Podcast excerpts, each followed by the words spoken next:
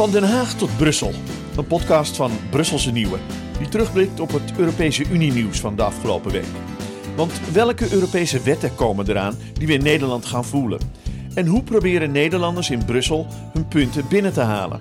Van stikstof tot migratie, van spoorlijnen tot waterstof. Jasper Roorda kijkt door een Nederlandse bril naar de laatste Brusselse ontwikkelingen.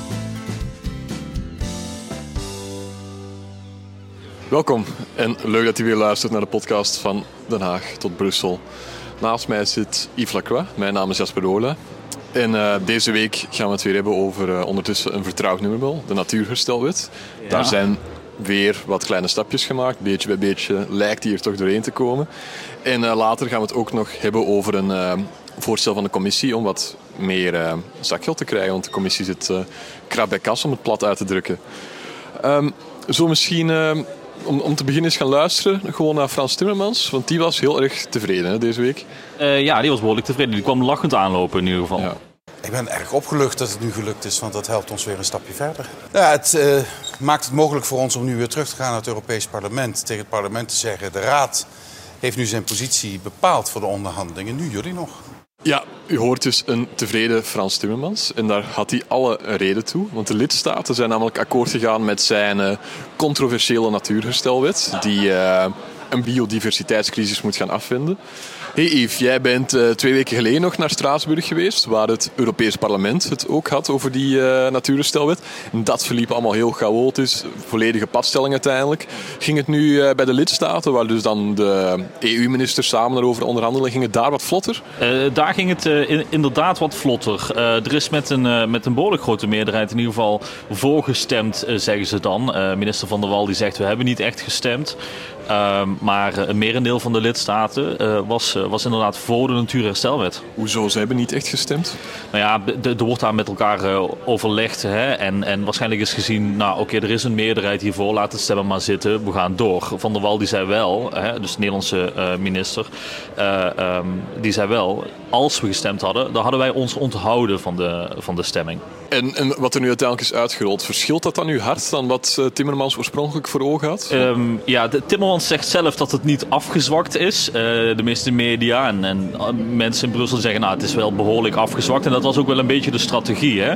Het Europees Parlement uh, daar stuitte op heel erg veel tegenstand voor de Natuurherstelwet. Tegelijkertijd liep er een traject bij de lidstaten. Dus Timmermans heeft al eerder aangegeven, nou, wij gaan meer flexibiliteit tonen bij de lidstaten in de hoop dat ook Europarlementariërs uh, uiteindelijk mee in gaan stemmen. Um, of om te laten zien dat we flexibel hierin staan. Dat we niet per se vast willen houden aan wat nu bij het Europees Parlement ligt. En dus dat voorstel waar de lidstaten over gestemd hebben, is niet hetzelfde voorstel als dat bij het Europees Parlement ligt.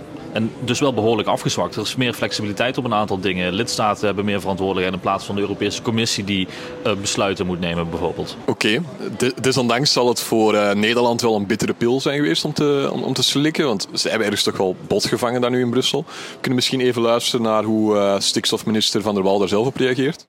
Nou, ik had nu gehoopt dat er een ander standpunt was ingenomen door de Raad. Nou, wat je ziet is dat er eigenlijk in de Raad meerdere landen zijn die zich zorgen maken. Hè? En dit is natuurlijk niet een definitief uh, besluit. Uh, voor de natuurherstelverordening. Ik heb aardig wat landen gehoord die, die dezelfde zorgen hebben. Ik heb ook zowel Frans Timmermans als Sinkevicius eigenlijk heel veel ruimte horen bieden om in de vervolgfase ook uh, verder te onderhandelen. Ja, zij lijkt dus duidelijk uh, de hoop nog niet uh, begraven te hebben. Nee, um, nu moeten we wel zeggen, ze zegt natuurlijk dat, dat ze in principe voor de Natuurherstelwet zijn. Hè? Het enige probleem voor Nederland is het verslechteringsverbod. En dat, dat houdt in dat je voor bepaalde projecten, of voor projecten eigenlijk, hè, dus dan hebben we het over bouw of infrastructuur of wat dan ook, in de buurt van natuurgebieden Um, uh, die mogen geen negatieve invloed hebben op die natuurgebieden. Dus daar moet toestemming voor gevraagd worden. En dat moet nu project per project gebeuren, zegt zij. Dat had ze liever anders gezien. Maar voor de rest uh, was ze best positief. Zegt ze, nou, er moet inderdaad meer gedaan worden aan biodiversiteit. En de natuur moet inderdaad herstellen. Dus daar staan ze wel achter. Maar er was toch één struikelpunt. En dat is er tot nu toe ingebleven. nu gaat ze wel dus, hè, want straks moeten de onderhandelingen beginnen. Als het Europees Parlement instemt. Um, en daar gaat ze proberen om alsnog dat verslechteringsverbod uit te dunnen. Ja, je zegt als het Europees Parlement instemt. Dat is op dit moment heel spannend. Het zit volledig vast. Gewoon is geen meerderheid, er is geen minderheid. Klopt, Perfect ja. gelijkspel. Denk je nu dat eh, deze uitslag van de lidstaten nog invloed gaat hebben op die interne onderhandelingen in het Europees Parlement? Nou, die, die, kans is er, eh, die kans is er zeker. Ehm, eh, waar, kijk, je hebt natuurlijk mensen die zijn hard, hè, Europarlementariërs zijn heel hard tegen de natuurherstel. Die denken, nou, die moet gewoon compleet terug naar de tekentafel. Maar er is ook een twijfelende, twijfelende groep die zegt van ja, het is ook wel wat streng, maar het heeft toch wel goede onderdelen. En ehm, nu dat die stemming bij de lidstaten gelukt is, dat het daardoor doorheen is, laat het wel zien dat er flexibiliteit zit in de plannen van Timmermans. Dat als ze straks aan de, aan de onderhandelingstafel gaan zitten, Timmermans niet overal keihard op gaat hameren. Het laat eigenlijk zien dat er ruimte is om nog te overleggen. Dus ook voor die twijfelende Europarlementariërs om, eh, om, eh, om toch nog een goed gevoel te krijgen bij die natuurherstelwet. Schiet tot slot, als jij nu eh, geld op zou moeten zetten, ga- gaat hij het halen of niet? De natuurherstelwet? Ja, dan. Ik denk het wel. Ja, ja. ja, want Heel de nipt dan, of? Sorry? Heel nipt dan. Heel nipt, ja, eh, misschien wel. Ehm, eh, het was sowieso, al- er was al een kans dat ze het gingen halen in Straatsburg. Hè? Ze zijn niet tot stemming gekomen uiteindelijk. Hè? Ehm, en het voorstel van de Christen-Democraten om het te verwerpen, eh, die haalde het niet. Dus hè, dat is al een positief puntje. Ehm, nee, en er was, er was heel veel vertrouwen ook bij, bij de voorstanders van de natuurherstelwet. Die dachten, nou, het gaat sowieso met eentje lukken. Hè? Met één e- stem extra. Nu dat de lidstaten erover eens zijn, denk ik dat het wel gaat lukken. Ja, Jasper, je had het eh, er op het begin al over. Eh, de Europese Commissie zit krap bij kas. Ja, d- d- dat- dat klopt. Dat is een beetje een platte manier eh, om het te zeggen, maar daar komt het wel op neer. Ehm, ja, het gaat in dit geval eigenlijk over de, de meerjarenbegroting van de, van de EU. Dat is eigenlijk ehm, voor alle grote lijnen wordt budget uitgetrokken voor een periode van zeven jaar. Dus de huidige loopt van 2021 tot 2027. En ehm, ja, ik, ik weet niet hoe het eh, gesteld is met het korte termijn geheugen van de luisteraar. Maar sinds 2021, en dus eigenlijk 2020 toen die plannen zijn opgesteld, is er heel wat eh, gebeurd. Laten we misschien even luisteren naar eh, Eurocommissaris voor begroting, Johannes Haan. The Union budget is instrumental to enable the EU response to unprecedented challenges over the past years. I may recall the pandemic, the war of aggression against Ukraine with all its consequences, inflation, energy crisis, disruption of supply chains, and so on and so on.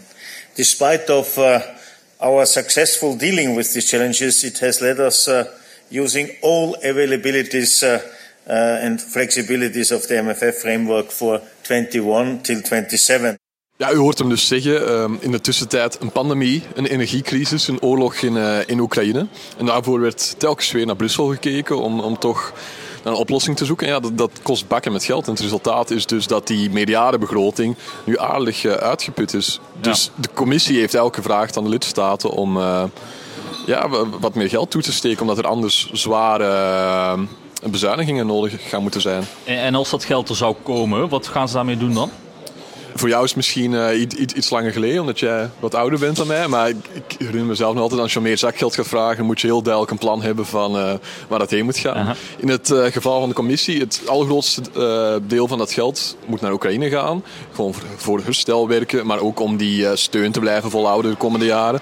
Dat gaat om 50 miljard. En dat is een beetje een combinatie van leningen en giften dat ze wil doen. Dat is de grootste stap. Dan gaat er ook nog een heel groot deel naar migratie. Want daar is de afgelopen maanden ook veel over te doen geweest. De EU wil dat derde landen buiten de EU mee migranten gaan eh, opvangen. En, ja, Tunesië. bijvoorbeeld, premier Rutte eh, twee weken geleden nog heen geweest.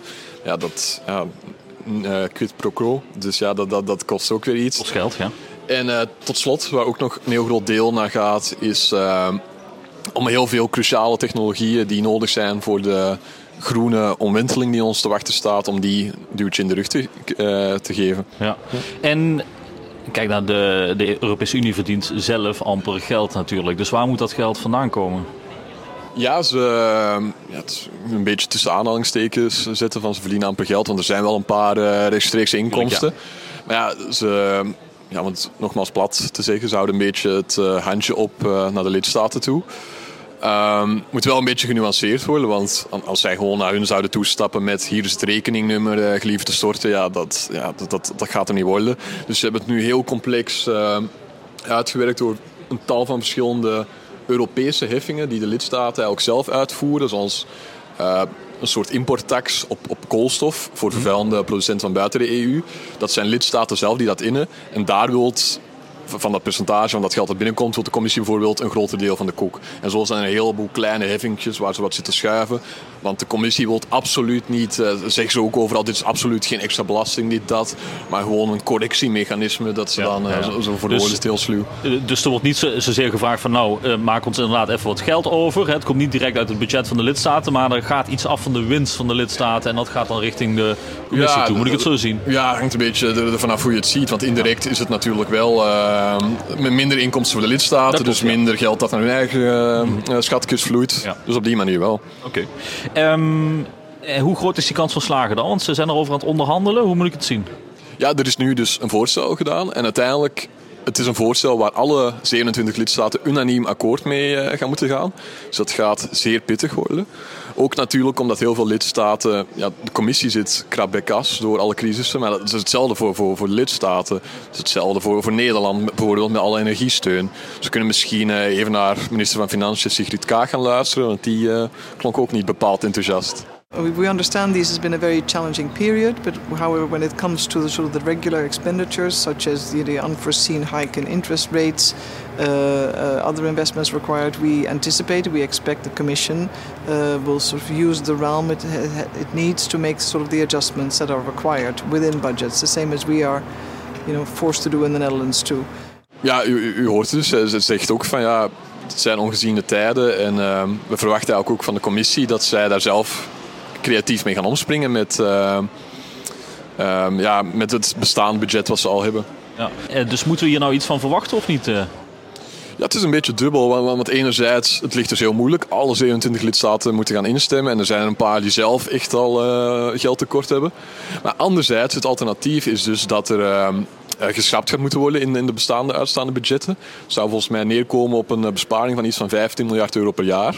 En dat is natuurlijk als lidstaat nu heel makkelijk om te zeggen van ja, dat is de commissie zijn probleem. Maar uiteindelijk heel veel van dat geld van Brussel, quote unquote, vloeit weer terug naar de lidstaten. Dus ik had nog moeten zien of dat bijvoorbeeld Nederland nog zo'n stoere taal heeft als er ineens minder uh, Europese landbouwsubsidies gaan aankomen, vol in tijden van klappende landbouwakkoorden en, en, en whatever.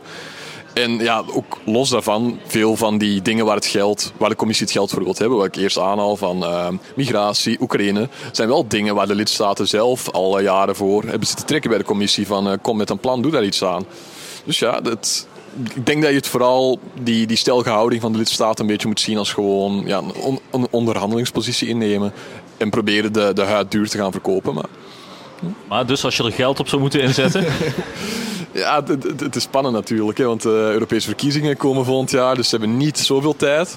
Maar ik denk eerlijk gezegd, ik, ik, zou denken van wel, want het alternatief is ook niet bepaald rooskleurig, zware bezuinigingen.